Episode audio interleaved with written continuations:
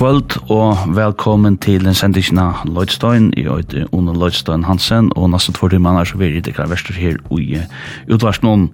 Het er Lloydstein Live, senda på hennes ur Studio 4 her i Sorstututju i Havn og er ikke en samadlur, tog at jeg har en samverst vimmar i studio her i kvöld og til er fra Laksakar. Velkommen fra.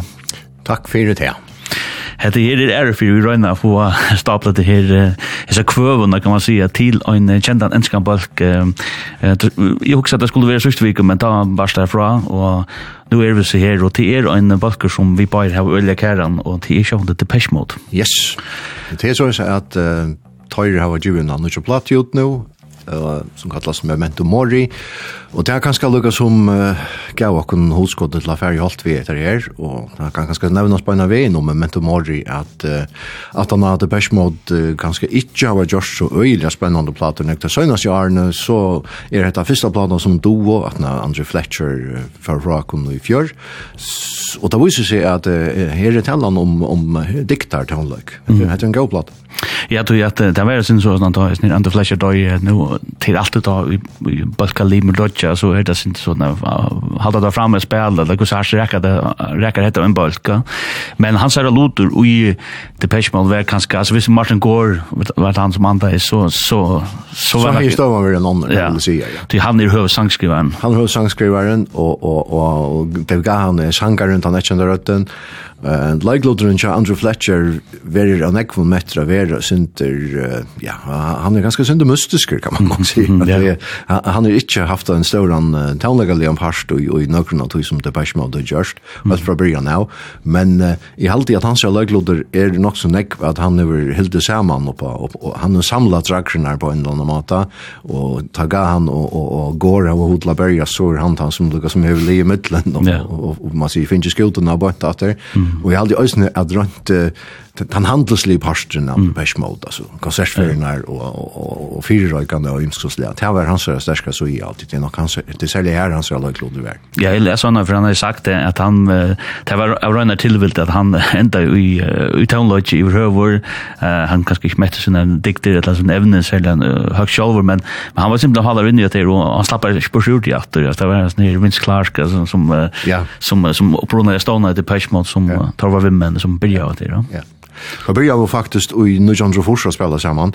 Eh, Sövan om det bäst mot eh, fylgje nok snegg søvende om platefella i Mute Records, som er et engst independent platefella. Det var en herre som heter Daniel Miller, som stående i Mute Records i 1988. Og jeg halte han fikk egen i oppfyrt av Peshmode, han er sætar også framførst i, i 1988. Det første som tar gå i uttalte, det var en parster av en compilation som Mute Records gjørte. Og da frinket så gjør shottmaler vi Mute Records og sånn, og nu øyne først, da kom så første platan til Depeche Mode, Speak kan spille. Mm. Og, og da frinket så et hit på en av veien, og ta hver talen om, om nok så regnende electropop, uh, Just Can't Get Enough, uh, være et som, som fyllte timen, og kanskje også en forfyllte timen, og noen greier. uh, og problemet grunn av mannen, det var så Dave Gahan og, og and uh, Martin Gore og, og Andy, Andy Fletcher og så Vince uh, Clark. Vince Clark, ja. Og han var sangskrivaren mm. Ronalia, og kanskje ta mest musikalsk av dem til første åren. Mm. Men han er så bare vi at det første platen, så får han på sjurbalsen stod han altså og Yasu sammen vi, Alison Maie, og så The Assembly sammen vi. Reisher. Vi faktisk Sharky, ja, og så, så Reisher som ble, som ble kanskje hjertebaten til hon. Men her er han framveisvirkjen i, i, i Reisher, så. Mm. Så en, en balker som kom, hever, ja, um, Ja, för för jag tog ju att det er närmast en bask som er fyllt kus jockon altså att att vinna vinna vi att att vinna ner på hof gamla Ja, samme her. Og det som er Lucas som hör vi här. Vi sitter her senda live her i studio för så de der ute har hod til å låta så har vi disse SMS skipan 8 som er 22400 og kom egentligen vi tycker boy på ganske det bästa och det pitch med et eller sanjen eller hva det er hod til, skriv endelig inn av 22400 vi sitter och lukar för Luxgar så för Luxgar samarbete här. Och Hörva Jocken, det var sjön den nya plattan med Memento Mori och vi tog också att lägga för hyra via att vi kommer att spela så näck vad hände alltså andra kvart lär vi av henne. Ja, nya plattan. Ja, så så kryddar vi vi vi äldre till färre och kanske uppgåvan den själva uppgåvan till att få att spalt äldre och kanske inte ända ut i i Reina Greatest Hits så. Ja, men det är riktigt kommer åt någon där. Det är riktigt hitta det. Ja, next next stash så ska utgåvor så. Men det skulle ju vara ötta så ute till det är näck vad de de helt sterkaste løgum. Ja, klart. Men uh, vi tog som leipa bara, du vet det bästa, det bästa kan säga, det kan så största hit någon att du nu kör. Which blad ja, för den första singelpladan och ta ta som lägger som folk go fall känna nu kör väl, ta ta hända singelpladan kom ut som kallast Ghosts Again, Jezebel.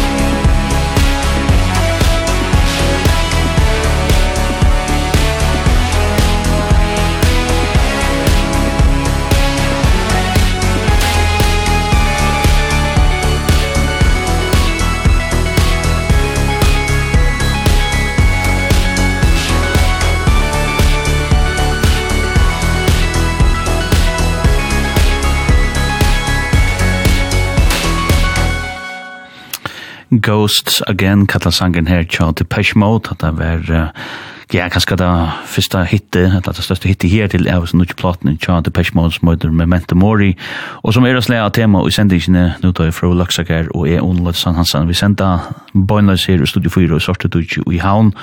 Og um, vi tar Depeche Mode av Brettanon og Ehm och när fötter det är att jag ja som du säger att det går ordet väl till till framtiden att det patch mode så. Ja, jag alltid där verkligen att man hörde ju där. Ta ta börst ju väl nog med okej, det är ganska som man säger. Till Louis utan. Ja, till Louis och det heter kan bli åt lock för häftigt och det gör det där verkligen. Så om så om om om om tar det reducerar till en duo i det så så alltid att men men tar har nog haft haft onkran att hjälpa så här. Ja, och som Richard Butler som är åtta med och i en batch mode till psychedelics Psychedelic Furs, her hvor vi vidt å skrive tjeja sangen om et land han her. Um, jeg halte det var han og Martin Gård som var bryr, liksom samstar rundt korona.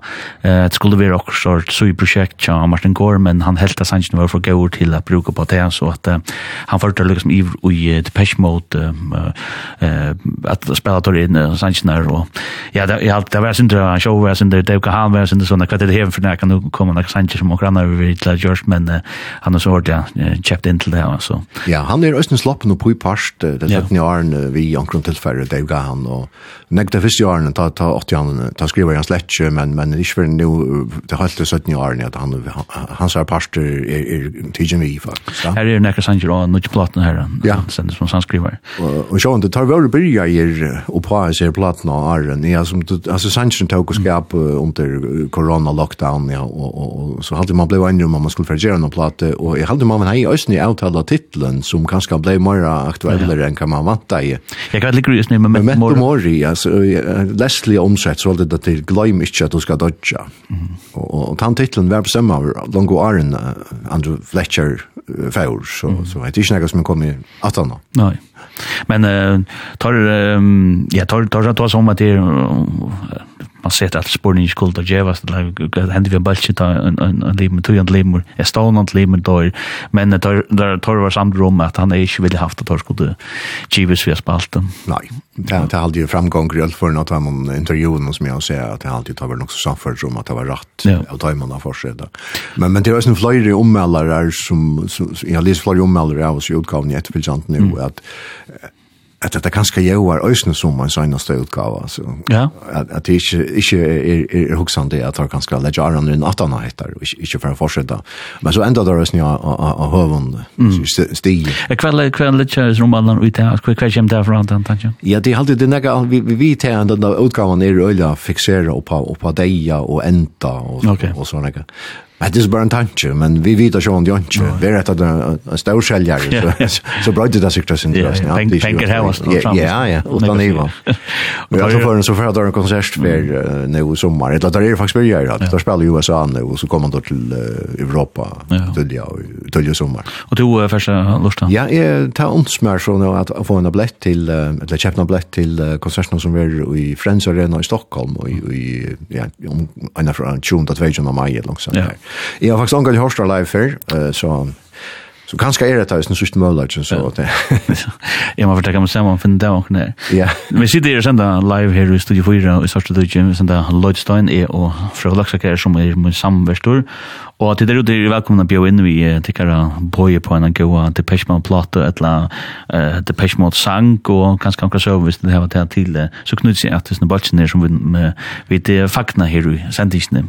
Og vi får anlukket om at Kjæva sin drog katalogisk til Tøymon. Ja, jeg husker at nu har det spelat cirka andra kvarst allt och då nutcha så lite att där och jag huxar att bollen av de gamla löven hon tar väl nog ut honom fyra stora utgåvan och chat på smalt huxar vid Black Celebration från Sex Force Music for the Masses från Three of Events nej Shay Force och så och så kommer Violator i i Halfens och och och Songs of Faith and Devotion som är från Three of Events som är så att eh det var nok særlig ur tøymen utgaven når vi får at, at, at spille til eldreløyene, og til høres fyra kjempestørre utgaver vi en rikvi av det Mode klassikeren. Nei, det er ikke noen.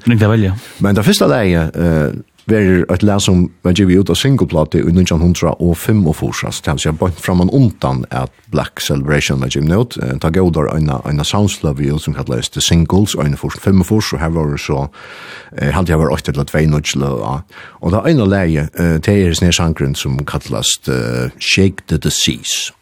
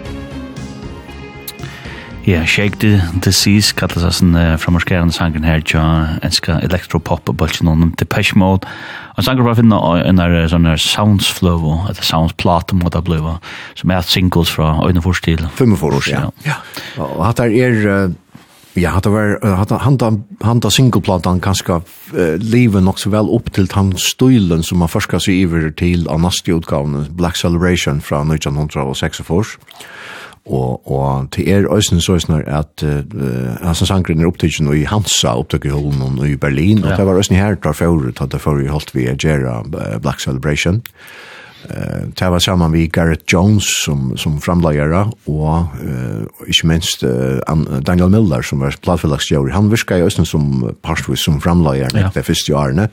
og Black Celebration halte er faktisk den søgneste utgaven som han er vidla framleggjere tja Pesh Mode. Og det skal så sies at uh, hin framlagaren Garrett Jones vil Østen skifter ut uh, at han har Black Celebration. Jeg tar av ikke vi så, tar av skift nok snakk, va? Så. Ja, yeah. Det har det faktiskt och ta för fra time fra Gary Jones och för det lands med David Bascom som gjort eh vad säger Music for the Masses och så var det Flood som gjorde tvärna nästa. Och så Flood där var en rättla. ja tunga drunker. Men onkel onkel Bakker halta nog fast och en tøy en tøy med så. Ja. Jag tog gick oss eller. Ja, så tar tar bara story utgångar till så flott med stäj för time on och och med sjön Alt som er tillförst till Depeche Mode av Black Celebration uh, utgavene. Det stod så att at han viser parten, så var, yeah. var videolöjna veldig nog så ekstra da. Og, Och här är det først før samstavar vi han den här holländska Anton, Korpen. Anton Korpen ja. ja. Han gör en video till, uh, till en sang av, av Black Celebration, och, ja. och det er den sangren som vi halte vi, i många vi spelar han om kveldøsne.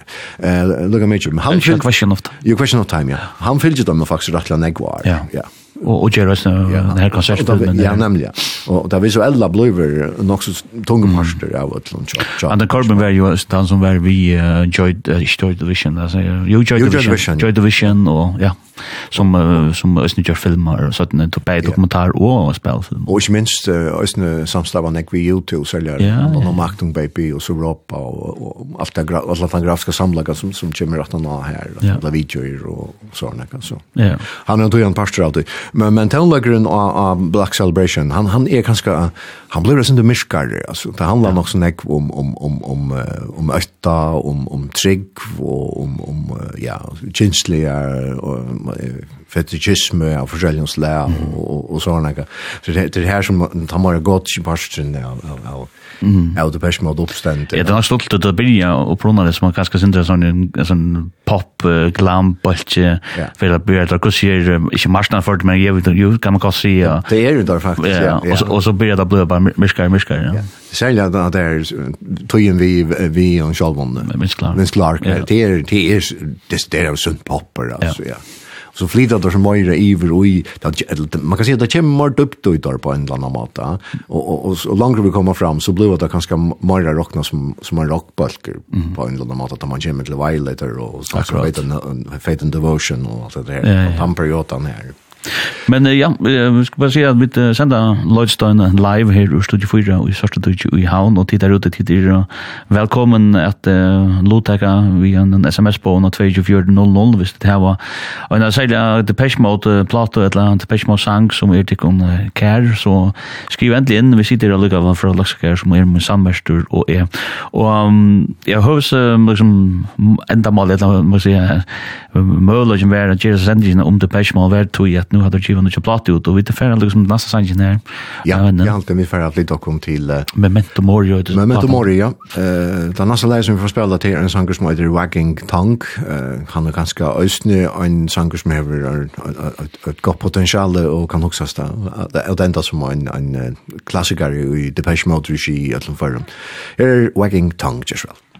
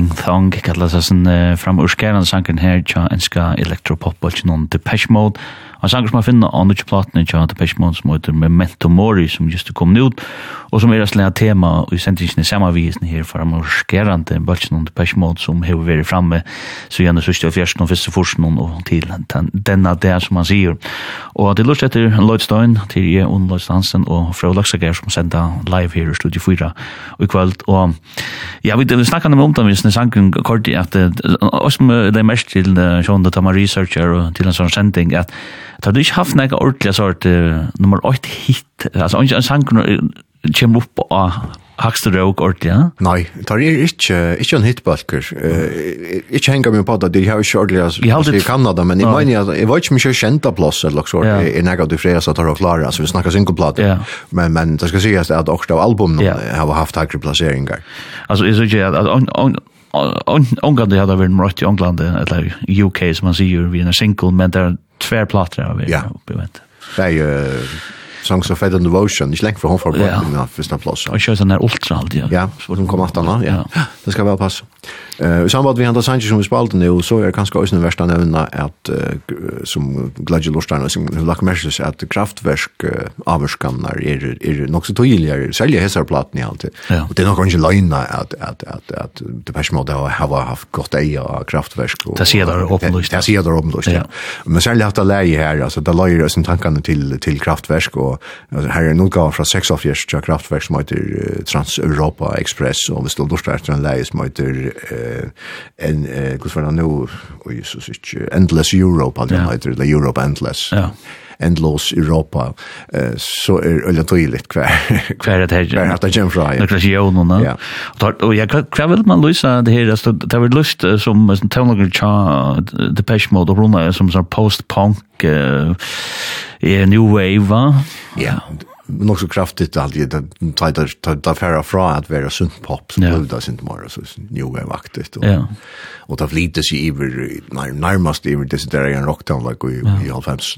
Det flitas ja, det flitas då är det stand det steg kan se det flitas innanför det spektrum som är elektroniska toner så flitas flitas där sen rätt läge. Och sen tar blå tar tag oss en flurry flurry akustisk instrument i som tog in gånger och man ser gitarren blir nog så tojande ljuför ja ja machine gore för exempel sälja pad alle. Mm.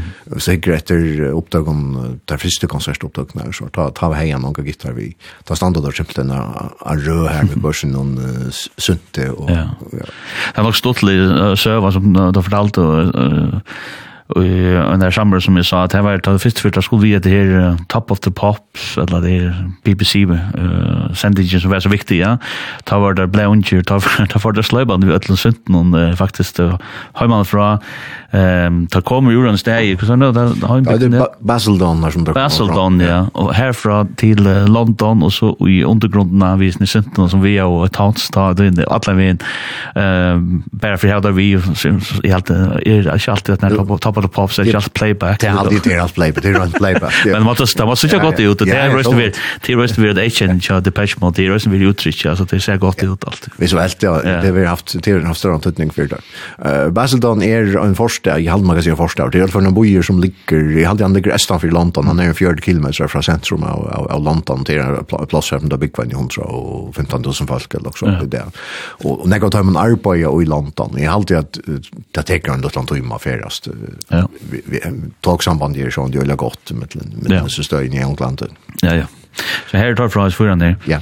To ehm um, Ja, vi får vi snackar om Lenta the Sanchez här som att nästa Sanchez nu som Lenta ja nu. Ja, det var det första A Question of Time. Han är er, han är er vi av utgåvan Black Celebration som kom ut i nu John Huntra och sex och fors och upptäckte och i Hansa upptäckte höll någon i i Tyskland och i Berlin. Eh, faktiskt Hansa by the Wall hade jag nämnt det där. Eh, Ölla legendarisk studio nekva stora plattor tecknar upp Bowie George i Berlin trilogi och i Hansa studio. Akkurat. Eh, YouTube tar kom jag tror att det vi Achtung Baby, hun var sin opptidsen i Hansa, og her, her negvanna. Ja. Og ja, jeg var faktisk her nere i øynene, for, ta, ta, ta minnes det at jeg for å finne, finne adressen, altså. Det var så. Det var en pilagrumsfer, stod, stod utenfor. Man slapp ikke inn. Nei, man slapp ikke inn, nei, nei. Men her stod skilt i hårene og det er forskjellig, altså. Ja. Så man var her. Ja. Skulle vi prøve det? Yes. A question of time.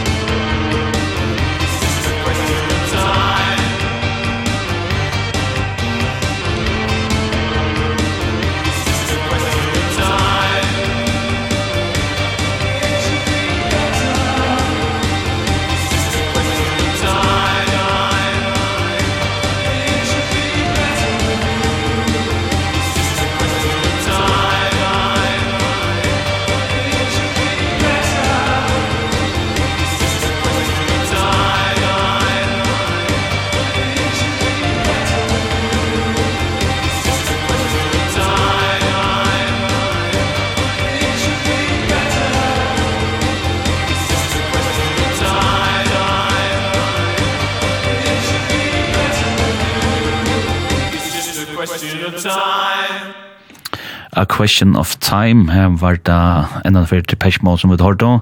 En uh, sanger som er finna en plass med The Black Celebration fra 1906 og fors og Depeche Mode er jo uh, tema i sendisene i Lodstein og i kvöld. Nå er Frøy Laksager og jeg og Lodstein Hansen. Vi sender bøyna her i Studio 4 og i Sarsu Tudje. Nå da blir jeg kava. Det var så redda klarst og døylig. Ja. Vi det her var fram i kjara at han sitter og sender Studio 4 som hever vindeg og så vi sitter ut. Det var veldig akkurat på en jan, men nå kom sånn litt i almen. Ok. Hvis man leider etter til gamla løter og i gamla Studio 4 så var det ikke Her var ikke, ikke vinter, jo vinter inne i Studio 5. Ja, det var det. Det var ikke nek større enn man sier, en testikasjon. Nei. Så det er øvelse omstående der, va? Ja, to uh, akkurat den där plattan som vi nämnde nu Black Celebration eh nu valde vi där han den här question of time och Johnny han är han är så åt av av Gendo Love någon men men här är det ganska sangru stripped som som som väger ta ta gentas då läge att i plattan och jag hade ju sin Florida just cover around inte länge från Ramstein har spalt uh, stripped då Ramstein har har man nämnt uh, the page mode som en större firmen ja och här är också en sangru som heter question of lost som också är rättliga gentas så heter är en stor platta och onkel nokre ommelare meta het Black Celebration kan ska vara nästan uh, en lugga go plot som som violator som mm. som som jammer i i Nigerian och och halvheims med Jean de eh Ja. Nu produktionen är för pura kvarsen natt. Ja. Och det som vi gör är Lucas Monteros när att ja, kvarsen sen kan man säga. Jag vet inte man kan säga kvarsen Louis att du är av en så fast för det bäst mål men det går för en balkar som har fyllt och en barn jag kan att någon och boxen och och inne vuxen Louis och vad gör nu tar vi kring vad det så här. Ja, det var seriöst. Jag hade att den första plattan som är häftig med videon här hon kom inn i Jan Shea för John Tay over 14 år gammal. Eh där var han den Music for the Masses. Og jeg minnes det at uh, man planerade så nok nær til Søle, og Perma var nok också till till landet och sån helt just brun og så var det en sånn, en sånn widescreen mynd mint i mig där man sån trutja sånne her hattalare som var rejer eller sån så Music for the Masses. Hon hej åt Alan Andrea och det är så og jeg jag sålt slett ikke kjente bulchen eller town Jeg åkna kommer man så jag var ikke aldri åtte fors altså. Så jag tar här ju faktisk vært ja, fan av det kan gott säga. Ja.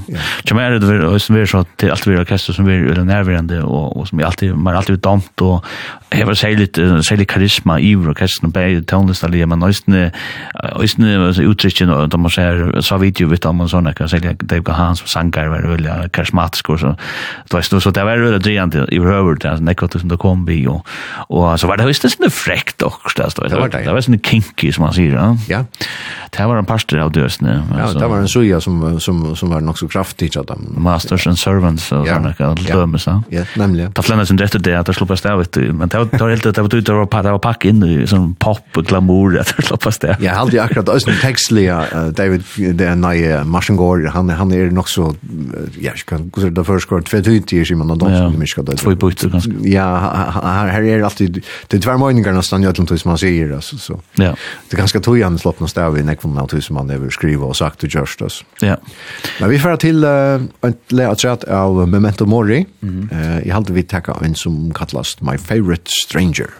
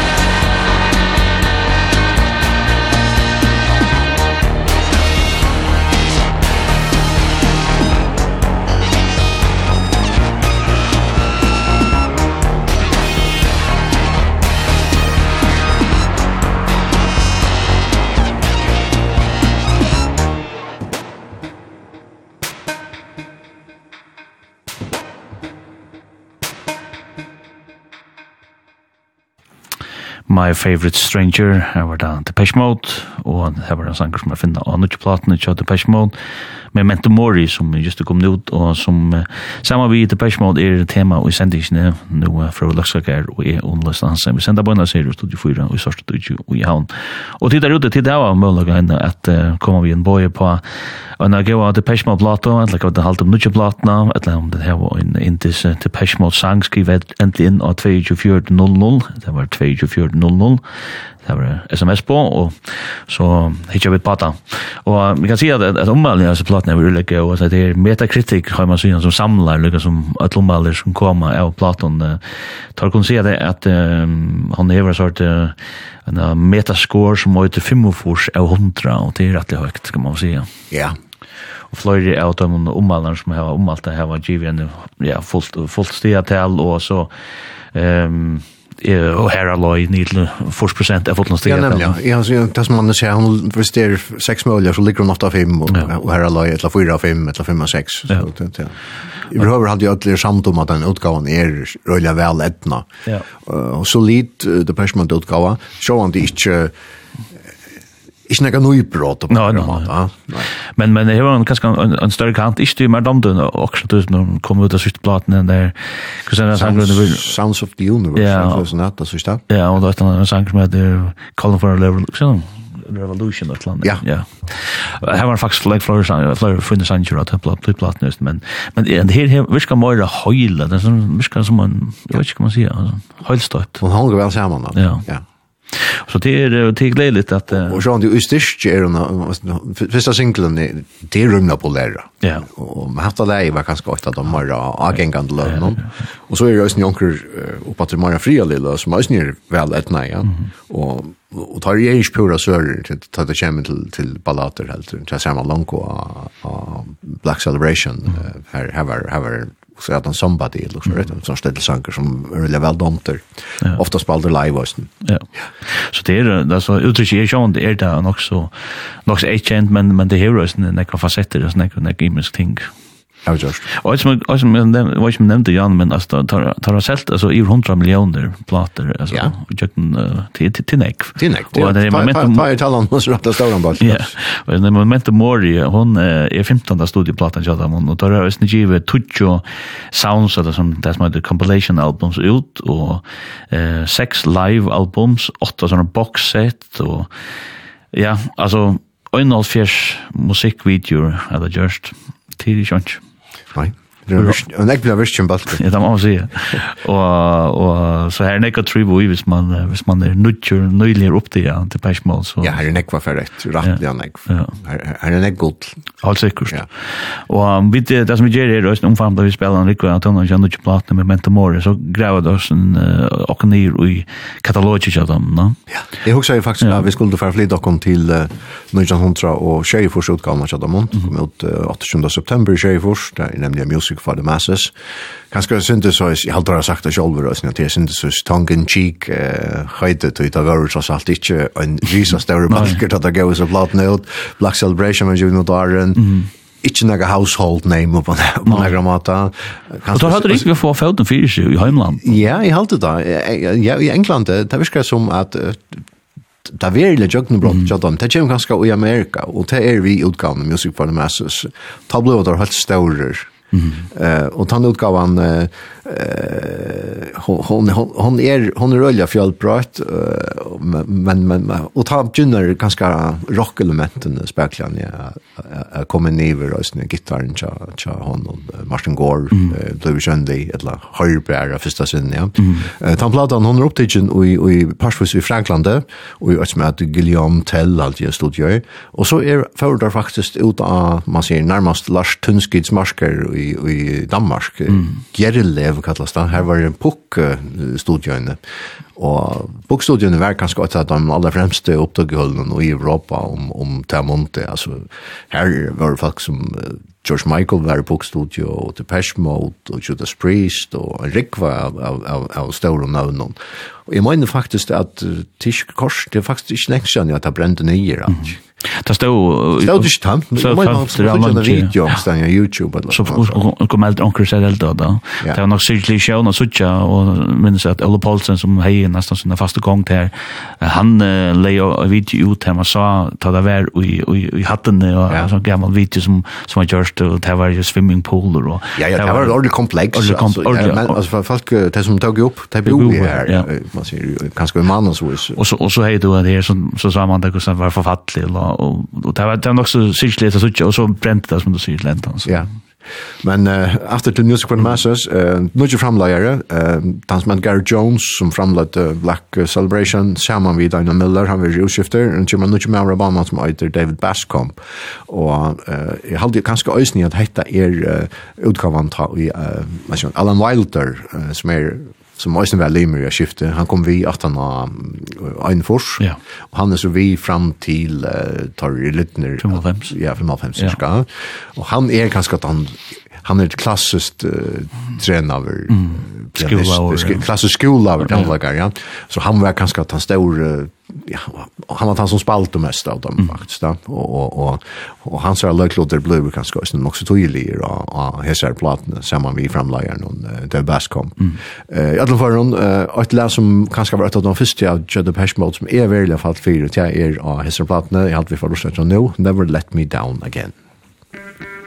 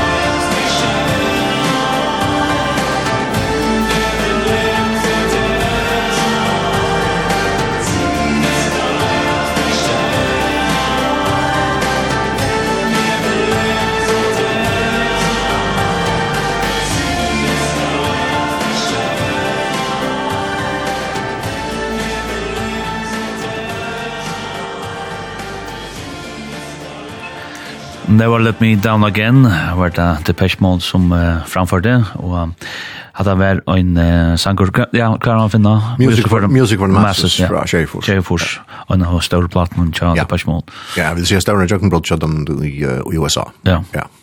Ja, ja alltså kvätt alltså vet man hva kui fing ta fältet för sig det det var nog så alltså ja jeg vet ikke akkurat hva det var alltså tar tar tar flitas på en landa måte och komma här till mm. att, ta räka ut ett land i USA. Jag vet ikke om det om det er uttrykket som er brøkt på såna mata att knappt ja. så så så fänga det ja ja onkom vi hade det rumlig ungfalk i USA som som tar bort till syn jag hörde en snacka om att det vi att fyra amerikaner outsider i USA och USA USA er så mye størst av land, at det er alle nekker outsider. Ta er det alt det som er brest og synder eksotisk, det er synder, det blir dryen at du kanskje det som føler seg synder som outcast eller outsider, ja? og det er de som samler seg, og det er så lykke av nek hundra tusen, kanskje flere millioner, og folk som dama, det er, det er okker ørvis enn det som det var fører vi her hjemme, og synder mer eksotisk, det kommer vi sånn eyeliner, og sånn new wave, og også jugner først, estetisk uttrykk, og sånn go video, og sånn, og sånn, og sånn, det det må man göra då men det här har det alltid haft ösn Ja. alltså man man på drin efter på tamma då ösn alltså och det och det snackar man om en sammanrenning i mitten vi känning från från från platte chaparun och från platte ommälarun alltså ommälar kan gott vara öjlig glädje för att landa men som som som som skälter någon kan de ordliga ta till så en eh massa som mäkna så att finna den där gilta mittenvägen här där ränner samman och det tar man ser att det exploderar ofta. Og tar uh, gjør det varst vi en dokumentar som vi hukte etter at at uh, tar var slik uh, fikk alt ikke alt så gøy om eller at folk vi sier jo i England det skilte ikke ordentlig. Nei, det er aldri det er jo skilt oss ja. Det er jo selja der platene ganske attan av springspill som er sånn det er nok som popplata men så så flita då så spekulerar han vojar ta i ta i Martin Gore blev hövsangskrivar men där första tror jag platna vi honom som hövsangskrivar. Jag hade inte det det var snäggar som begeistringer uh, rundt om det, men her er jo stadig, ja, her er jo hit. Ja, og det er at her, at det tar vært mye av her gamle meldren om vi, at uh, er det til henne og tøvnløyker, at ja, det er jo trutsa synthesizer her, og nekva sekvenser her, og alt det der, og trommaskiner, ja. er det ordentlig tøvnløyker, at det er ikke best noe ut, alt det, det var det mitt i följdar, i England i hvert fall. Ja, Horst har sagt, Jankron Samrøven, at, at, at, at ganske var det syndet til vildarligt at det enda og vi har spil spela akkurat han tonelagen. Mm. Alltså grunden till uh, att det inte att det inte hade hade en en, en några trummor vi tar för exempel var bara det att vänningar höll så de var så lite och och här kunde inte larma så näck så där visste du inte att det vant det vant där vi vi vi Arnold Mm. Och, og, og det var ikke plass for trommen så så valt man helt å bruke rytmeboks och bla bla bla så man bara fortsätter vi tog. Det tar ju en produkt av ju en tog i ta och ju synthesizer bliva allmän altså all, ja, allmän och kvantmax och såna. På en annan mat. Du du og undan vart alltså öl øyelig öl vad det øyelig göra. Ja.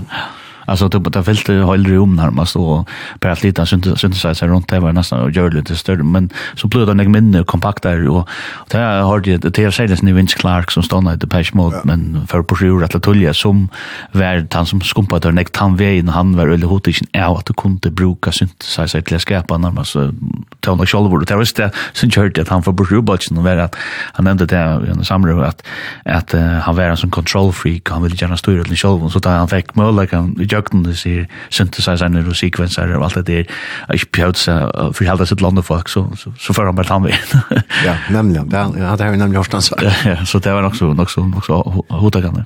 Ja. Jo, men jeg halte vi ja. skulle takke en sang at av nødjeplatene. Ja. Ja, vi velger en som heter Don't Say You Love Me. Ja.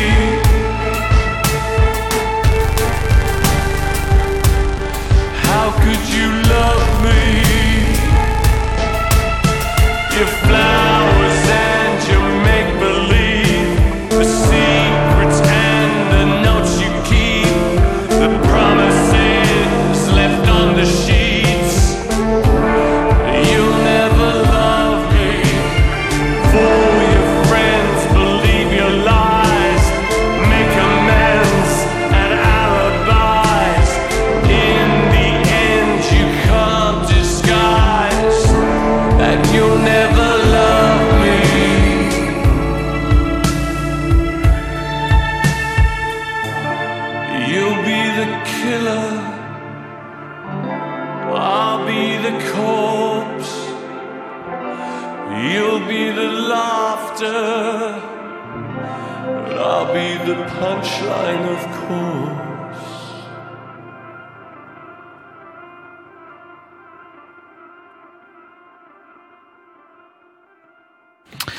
Don't say you love me en uh, nutje sanger tja Depeche Mode som jeg finner av platene Memento Mori som just er kommet ut tja snir legendariska om man sier etter hånden uh, enska synth-pop, uh, eller elektropop bultjen noen. og um, Depeche Mode og nutje platan er jo liksom tema i sendisene og Og du får tenda mikrofonen kjenner fra Ja, takk. um, og jeg fra Løskar sitter og spiller. Ja, det var sin morgen... Ja, det var noen fri eller morgen, ja. Ballade Begven. Nesten filmståndlager. Ja, han er filmest uh, uttrykk og sånn. Ja. Og uh, jeg halde jo også at, at uh, man kan si at uh, Ja, kan kan man kan man se att de nya plattan, alltså får man vi pojkar en pojkar en åter tog eller pojkar en framme tog kvar är det helt då. Du snackar om kraftverk Jan. Ja. Det packar jag för natt rätt. Ehm Jag vet inte om man kan säga när är pojkar så eller länge fram efter men men i alla fall en German här som man är Best man hever go or go till och är go till och och ger det öliga väl. Ja. Ja. Så inte ikke noe hoksam. Nei. Hør, heldig du man hører at det her virres ned Richard Butler fra The Psychedelic Furs, hever inne i det. Nej, jag det ska jag inte säga. Det det du ju kör. Nej. Att det gör som som man kan säga. Ja, det är ölla sangskrivningen är ölla Martin uh, L. Gorsley alltså. Det är det. Men produktionen hade er, as platten er öliga gås. Ja. Det var ölla väl gå man säger. Väl ölla väl frakinch. Ja, man sing, man synger faktiskt väl den. Ja. Han är totalt uh, torlagt. Då hade ju en ölla tunga period att ta mitt i 15 år. Ja, ja, ja.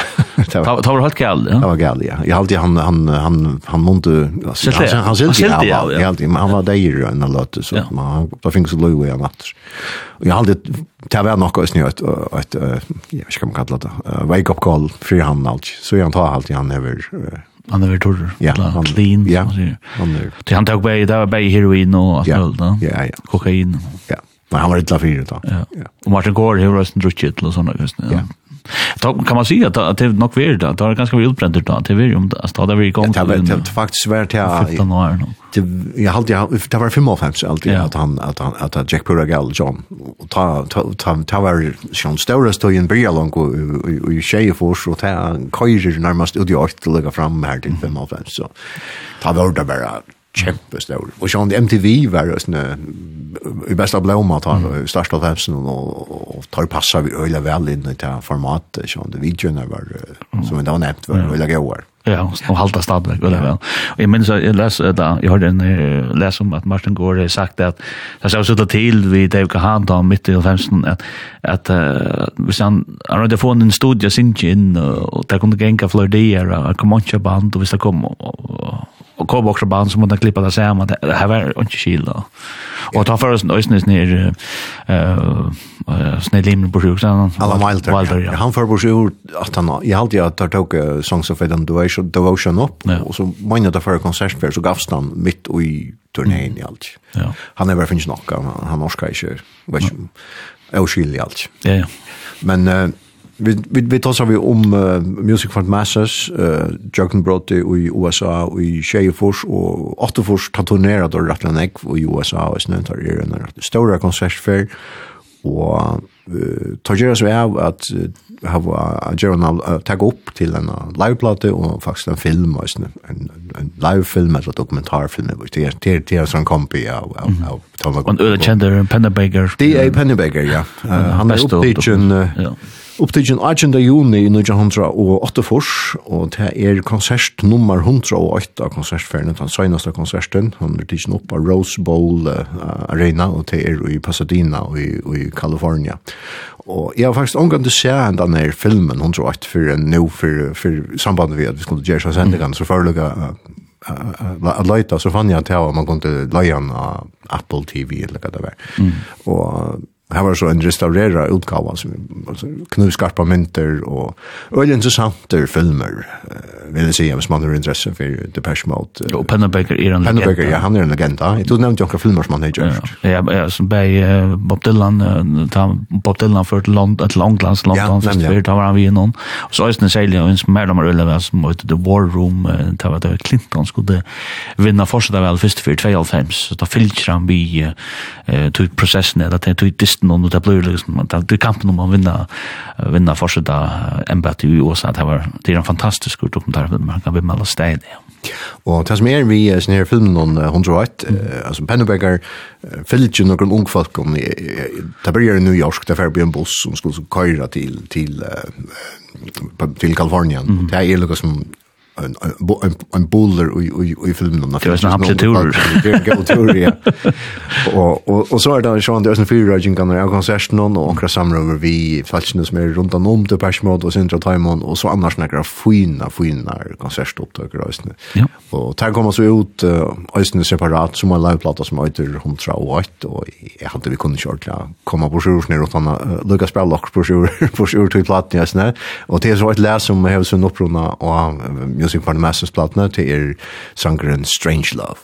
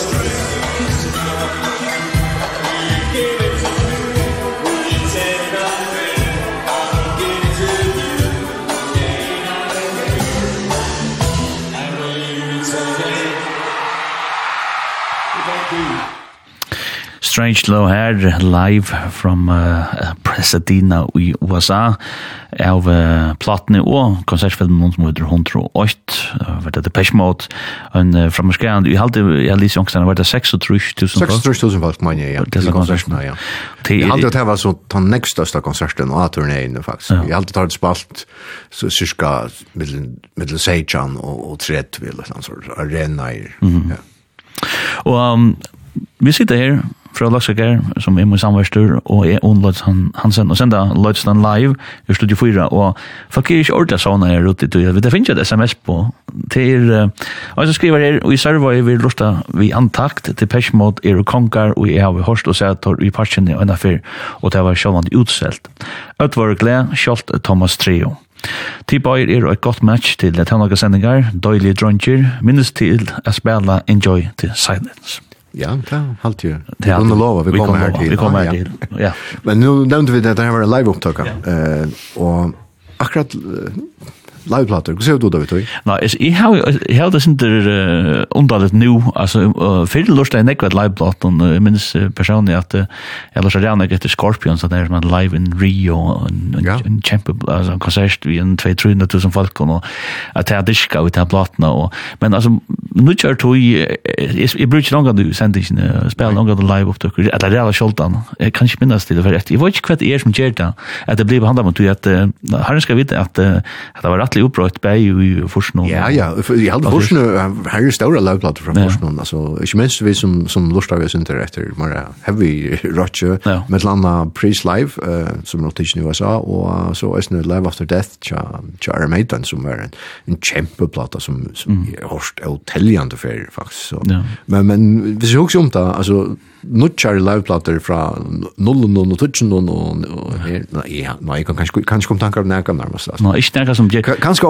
akkurat, anstak ting ja ja Leonard Cohen och han tog också upp London och han den platan halt ju minst är i funnast så som Alltså men också der kan vi hanga saman vi at så nek er online faktisk det att vad som YouTube og Det er sånn at det er det gyrs, nekker konsert opp og det er litt her ute, men det kommer ganske ikke ut som plater, eller jo, det kommer ganske snudjande inn av Spotify og sånn, for halda og grytning kåk. Ja, jeg råkner vi bladfellene ganske pushe og sånn.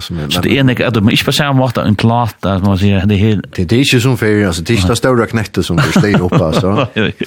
Det er ikke, det er også bra på den måten, men det er stadigvæk gyrs, ja, givn egen live ting ut bare på arvesmåter, det er ganske, det er plattformer enn platan, eller man sier. Ja, ja det kan være godt, men, men tror ikke løgnet at utvarsbruk så er det studieoppgavene kanskje Alt, for fyrir seg, ja? Ja. ja.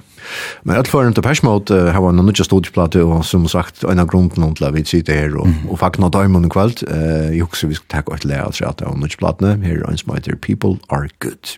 People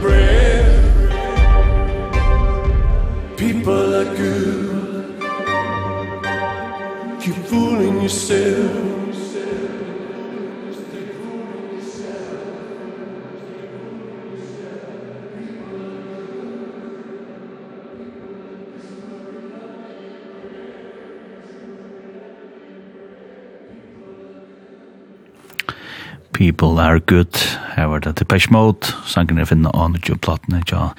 Depeche Mode som er The Memento Mori som just er kommet ut, og en nekver røst plata, og til er velkiljande tog at hon er spika hamrande føyt som man pleier å sija. Og um, vi sier dere senda uh, live ur studio 4, vi sår studio i havn fra Lakskagær og E, og vi fakna Depeche Mode og tar her lukka som tøvnåkje Ja, han bæg, jeg fikk gongen gjørs en kvå til der ta i Andrew Fletcher, da i for januar så gjerne nesten av dagen.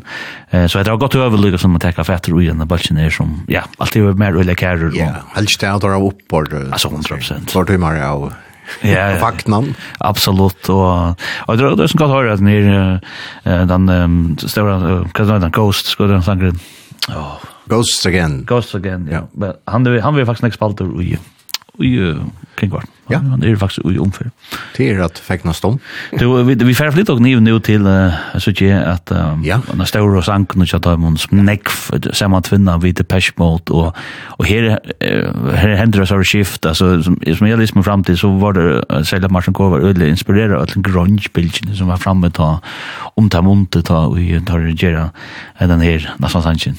Ja, uh, det er så snarere at, uh, han er inspirerad av rock och mm. ganska ja, mer alternativa slam och, och han överhuvud att alarma synder vid gitarren. Ja, det er det.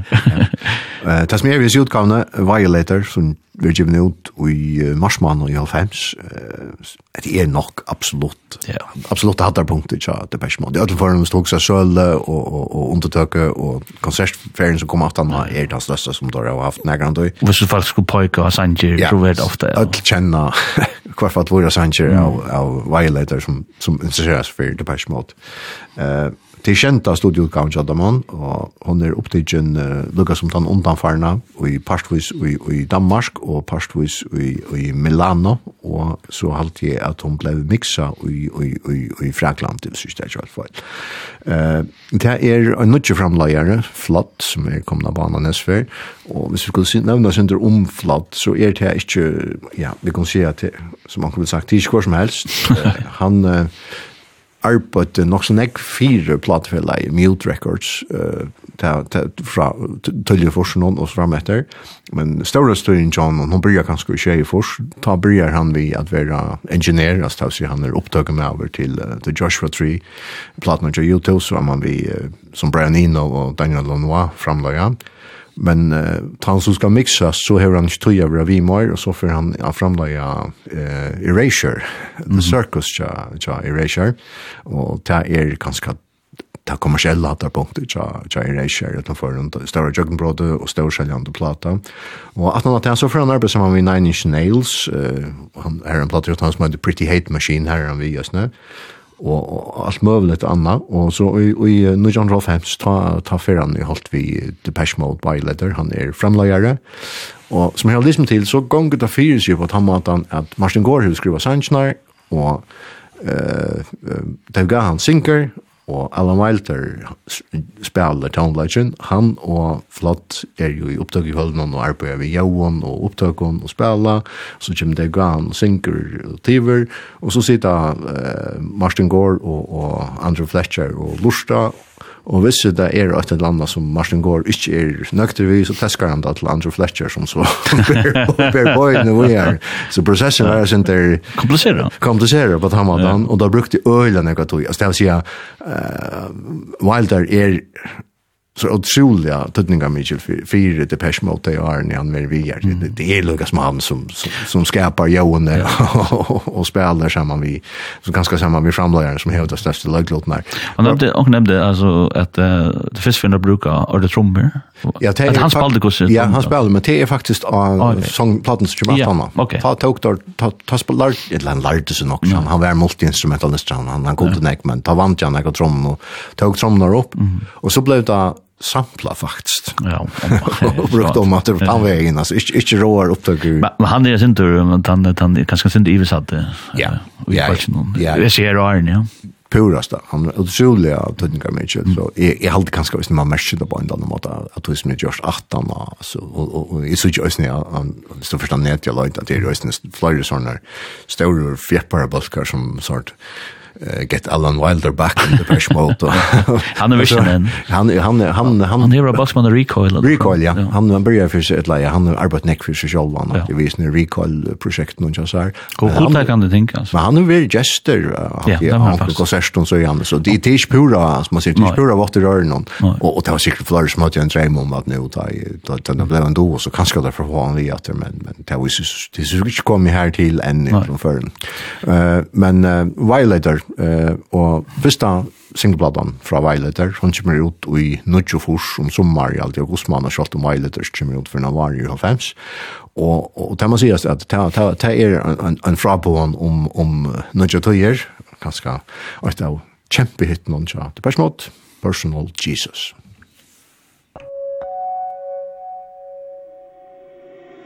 Reach out, touch faith.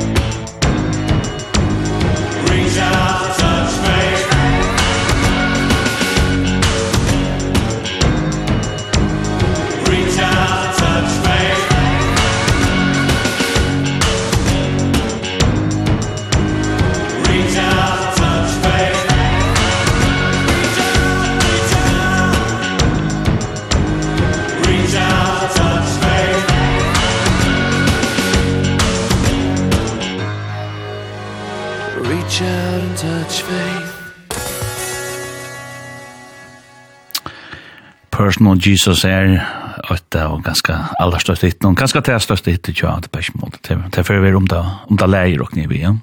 Ja, det er synes jeg snart at det fører fra å være en sunt balker til å være en balker. Ja, spela mer, det ble mer. Ja, ja, det ble mer rocker faktisk. Ja, flit som mer, han vil inn. Ja. Og jeg har platt en violator fra 1905. Yes. Som er, ja, Kanske hörs värst jag då jag det Ja, det allt man man kan se så det är nog de flesta som mener at det er den beste platen. Ja, hvis, hvis det blir folk spyrir, eller spyrir folk kommer og nevner noen sanger til Depeche Mode, så rockne er vi til rekk og ja. ja. Alla Alle sandan her, men her er også nere. Jeg halte, nu hukte jeg ikke akkurat, men her er en 5-6 uh, kjempestore sanger av Violator, altså, så, mm. ja. Absolutt hatt det punkt av karrieren til Depeche Mode. Uh, ja, jeg må ikke nevne, um, Ja, vi kan vende Enjoy the Silence, som åker ett lyst til Janne, og det skulle Bare brinja seg tålet til han kommer. Ja, In Your Room. er In Your Room, er ja, og Halo, Halo ja. fantastisk sanger. Ja. Så, ja. Good. To, um, men uh, vet du, vet du, Fakna är så mycket platt nu Ja. Och Hva er det altså, du lustar nok så ofta och jag vill lustar när från Jöknon då. hva er det som tar damer under väl igjen? Sånn mycket platen, nu med Mentor Jeg går skal man sitte året at han faktisk halte jeg bare at at tar av heppnast øyla vi all vi, vi sangskrivingsne og så gjør det nekka ta joa som det persmåte øyra joa ta i det persmåte er ordentlig godt faktisk ja. eh, lekker framlagsla eh, gaulø og, og, og, og tekstlig alt jo sånn avavert og sånn tog at man sier att allt det här vi deja och och och, och änta och, och såna kan bliver Det är något sån gruppligt. Då tar jag mist tar jag mist av en man och och tar reflektera där sen driver och och av platna och og, og några sangen skriver under i korona yes, farsøtten corona farsöten og ætlen den er sånn her lockdown sätter halten som är då. Som og som som måste aspektlar sen tror man kan säga. Hur aspektlar så i ja. Det är också förväntningarna skulle bara vara som till till det personplattnar som är komna fram han undan kanskje tvert så kjent og. Så hev du två tre gaule, och sånn, nok sånn jeg fillers, men jeg, jeg inte alltså är för føler ikke ta i lust etter disse platene, det är ikke fillers, altså, jeg till fair tilferd, jokken arbeid, väl framlagt, hade kvaliteter, och gode sammanhenger, og variasjon i middelen, stittlare, og mer agengande lø, og sånn. Faktisk en rattlig god plate. Ja. Och jag kanske hevur det veri just nu en en en en vinninger for Bolchen at där har att Martin Kåre samstar vi innan her, Richard Butler ur det Steelers för som som uh, som bare for å få lucka som jeg vet ikke. Ja, till förstås. Ja, kjøtt av nutchen. Ja, nemlig, ja. Lista det. Eh, Nasa Leisen forspellet, det er faktisk første skjeringen av Memento Mori-platene vi vi kunde ju ha börjat sen just när vi än men men John tog det helt det första starkflöna som det första läge. Eh heter läge så huxar uh, produktionsmässiga och ganska på den måten som det byggt upp och gjort så, så kunde det lugga så väl vi via Music for the Masses. Så. Ja. så. men uh, tack om det som möter om själva, här är det My Cosmos is Mine.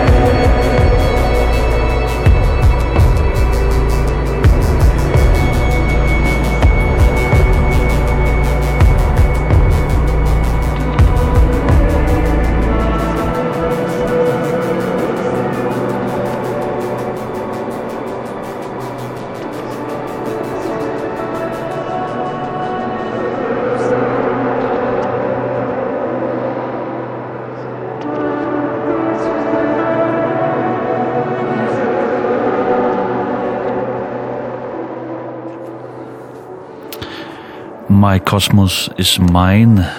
Etter den her, etter den sangren tja Depeche Mode, at det er faktisk fyrst skjering av nødvendig platen i Thomas møte med Mente Mori, som just det kom ut, og hadde jeg er sort, ja, hadde hun er nærmest sånn, sånn sinnestøv, eller sånn, at man får etter en holeie nærmest Mori. Ja, det er alltid man kan si, ja, han ligger som så innleiende tøvnene, man sier, fyrir platna, og ja, ja, det er sett tonan och ja och som man tar seg om at man väntar mer det är inte hur så var det att tut glöm inte att glöm inte att du ska dodga.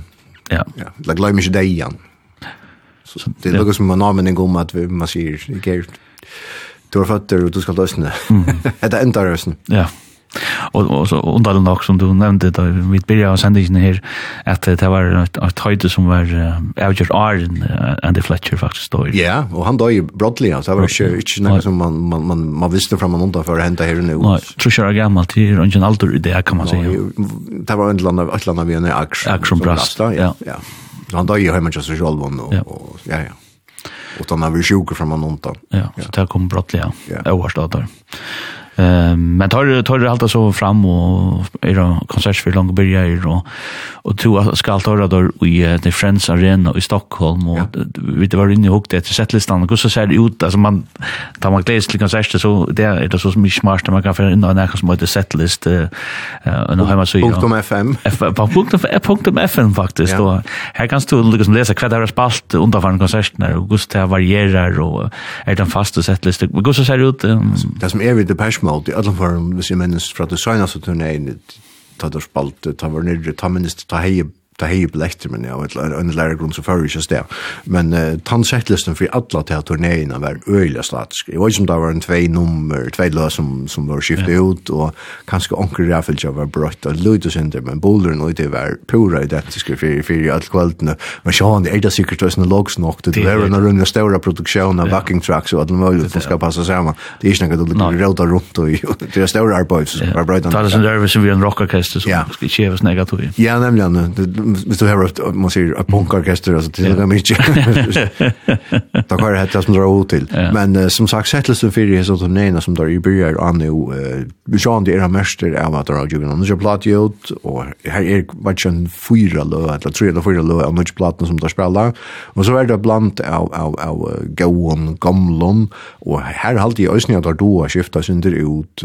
Här är ganske onkel som som er, et som ikke har hørt live for i gjerne vill jag vill at de spalte som de ikke spalte. Mm. Uh, med et Strange Love som de spalte før i kveld, som var ganske åttet av første love, som, som, som er ordentlig fatt for ikke, det er bare han er ikke vi, og Shake the Disease, som er, som er en, en, en live klassiker, så, mm. det er bare han er så heller ikke vi, men uh, ja, her, nemlig, her var onkel love som da kanskje ikke, som, som kanskje ikke hører så ofte, uh, John the Revelator, han, ja. han var vi, altså, et eller annet, ja. hans Hesfer, og... Og den er sanker vi det. Ja, nemlig, ikke minst, jeg har alltid hantan som, som, som kommer nu, han, mm. han kommer der nok faktisk ikke utan noen over høver.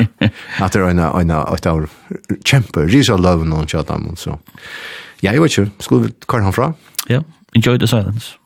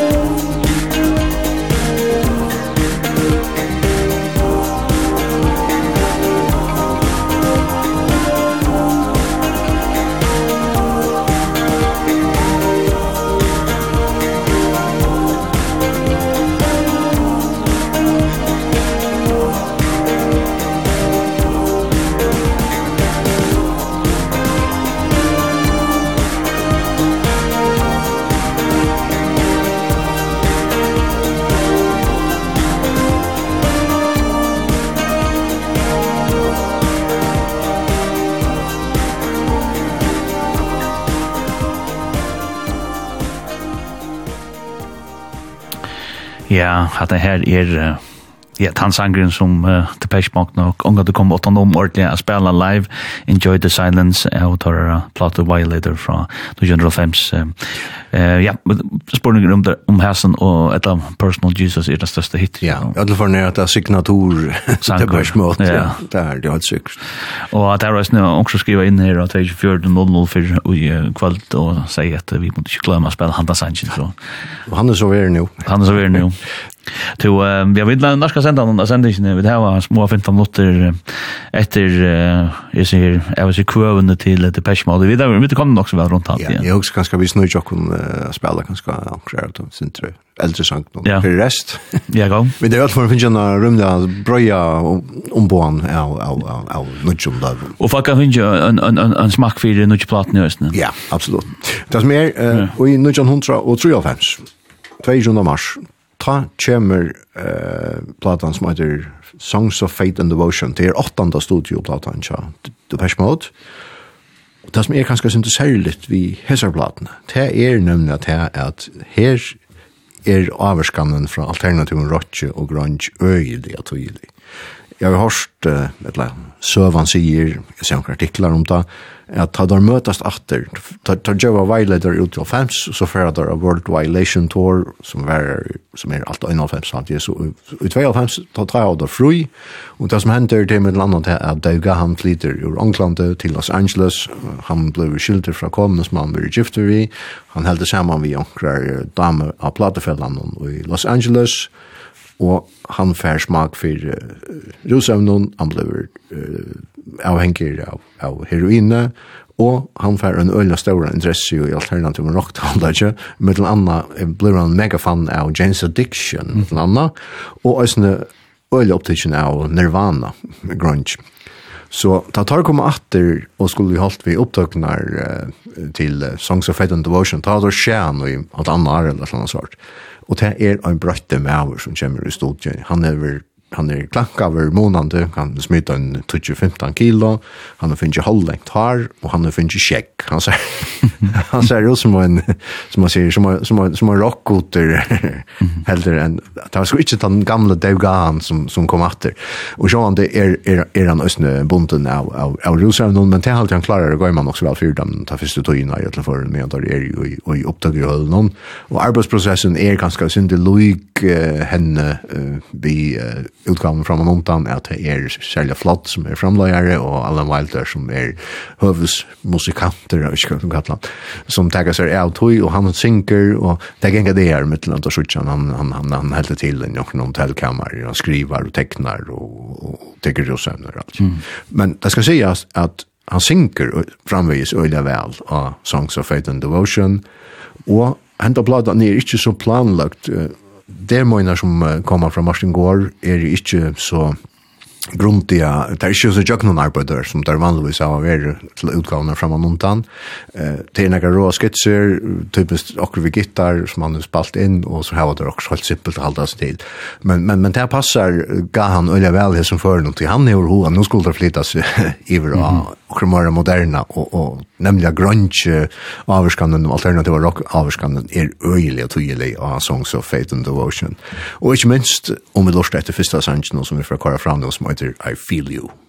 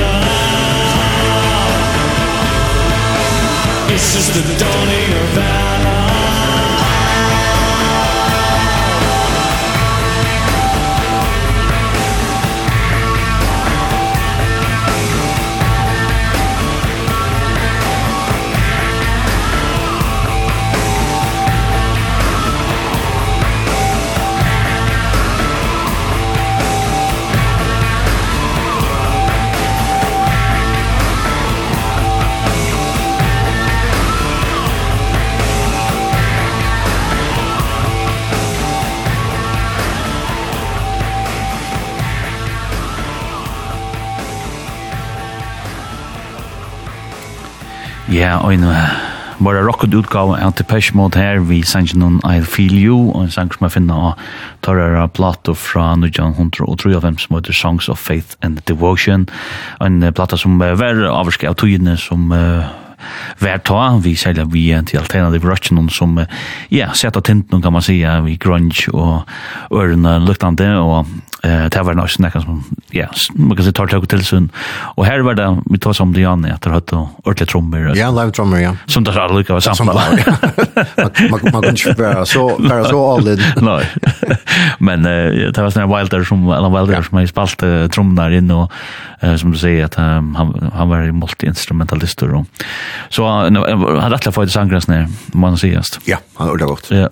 Du vet det kommer lika som med den där ner och vet hava en sang, eller två sanger Ja. Og vi var bläcka den av på den vägen, och vi ända vi en sang James Moy, Contamination, men det första, det er en sang som mer om röda väl. Vi får holdt at det nu kan tro i fors. Uh, Vi tar vi kjør det, vi börjar vaxa fem och först när man framåt. Ja, faktisk, ja. Og til er Everything Counts, tja, Depeche Mode, som er jag finna av en her plato som kalles fire. Um, ja. Nå No, det Construction Time Again, ja.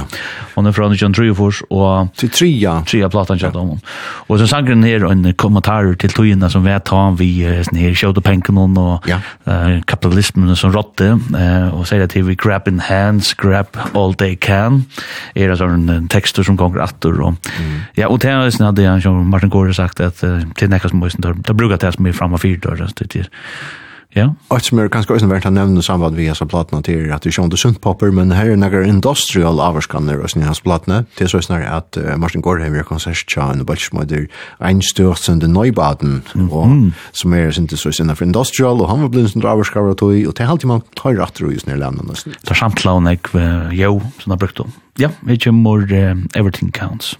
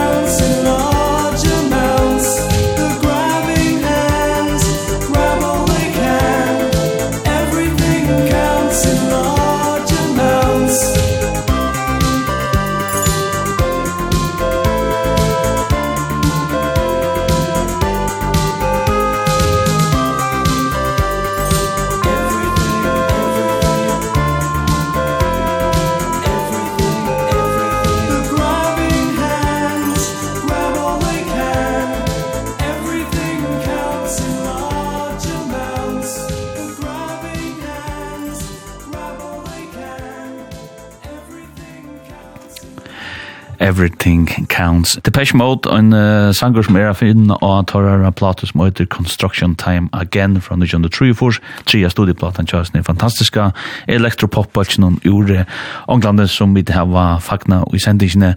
Nu der er givet en utja som heter Memento Mori, og vi er kommet uh, at enda i sendingene fra Løksaker, og jeg får takka deg for at du tunnet at uh, takka deg til deg. Sjølver takk, alltid en frakt å slippe at spiller sin Rødde Peshmode. Ja, og jeg vet at du er så sakna i ui utvarsmån, nek folk sitter på prøys på virsmeta, at du er så høyre, jeg var atter. Det man vera att leva vid. Men vi vi måste det. vi dacht lava. var det vi skulle vi skulle. Ja, vi skulle åkne den såna som sanchen en til en av lustarn og tjokken. Vi får nemlig spela condemnation, eh ja, the best mode teaching our songs of faith and devotion Og en nok så ja, gospel-kjent sjanker kan man säga. Och i helt at dette er første fer, er är är där var Corey och så och det är första fair överhöver att främmande er är vi och noen leie, tja, the best mode. Og jeg hade vi fann lata hetta läge hetta var okna en Leonard som køyrer taxabilen i Haderslev. Ja, og han... Uh, han er gammal mjørskadalsmjør. Ja, og vi forsen hon, og vi fikk en, et lite hint fra Jakob Magnussen som uh, er okkar ghost again her just nå han han uh, sier at det er snevar stor flippar det Mode og og så ja Det var det som vi får enda vi, ja. Ja. ja. Og enda for, for Laksaker, takk for at du tømte over vi, og jeg får at uh, Gjera Kjøtta og Ledges og sendingen ut av heimasynet av Tja Kringvartmån, som er kvf.fo framskak Lloydstein, og hun kommer også ut som podvarsp og uh, Spotify og kvarsa sønnen, så at det er høyre at høyre han her, og så vil den sende ut nå høstet her. Enda for takk for, og vi enda vi Condemnation her, og til vi sjående vi til Peshmod, som er vi akkurat tema i sendingen. Alt det beste rute, og ansen vel etter kun sjående.